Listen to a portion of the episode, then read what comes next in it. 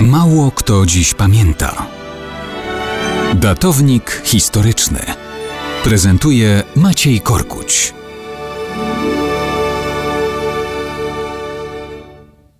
Mało kto dziś pamięta, że 8 kwietnia 1904 roku narodziło się francusko-brytyjskie przymierze, które przeszło do historii jako serdeczne przymierze Entente Cordiale. Wbrew pozorom, tutaj nic nie było oczywiste i nie musiało być trwałe.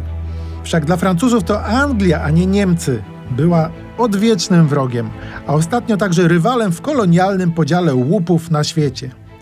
Ale w drugiej połowie XIX wieku Niemcy się zjednoczyły, pokonały Francję w wojnie i też zaczęły sięgać po kolonialne nabytki i wpływy. Nic tak dobrze nie jednoczy jak wspólny wróg.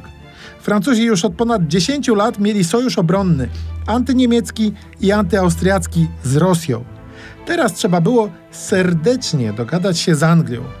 Francuzi uznali brytyjskie interesy w Egipcie, Londyn francuskie interesy w Maroku. Rozstrzygnięto spory o Madagaskar, Nową Fundlandię i Indochiny. Teraz jeszcze trzeba było pogodzić Brytyjczyków i Rosjan, skłóconych o Azję Środkową.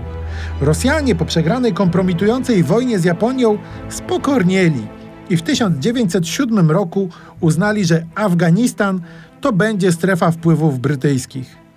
Uznano też neutralność Tybetu, a Persję podzielono na trzy strefy, w których strefa neutralna rozdzielała tę brytyjską od tej rosyjskiej.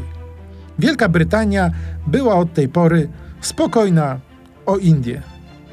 Dzisiaj od ponad 100 lat Ententa kojarzy nam się ze wszechmiar pozytywnie, jako zwycięski sojusz z I wojny światowej. Ale warto pamiętać, że spójnikiem serdecznego przymierza nie było przywiązanie do wolności narodów, a po prostu imperialny podział kolonialnych łupów.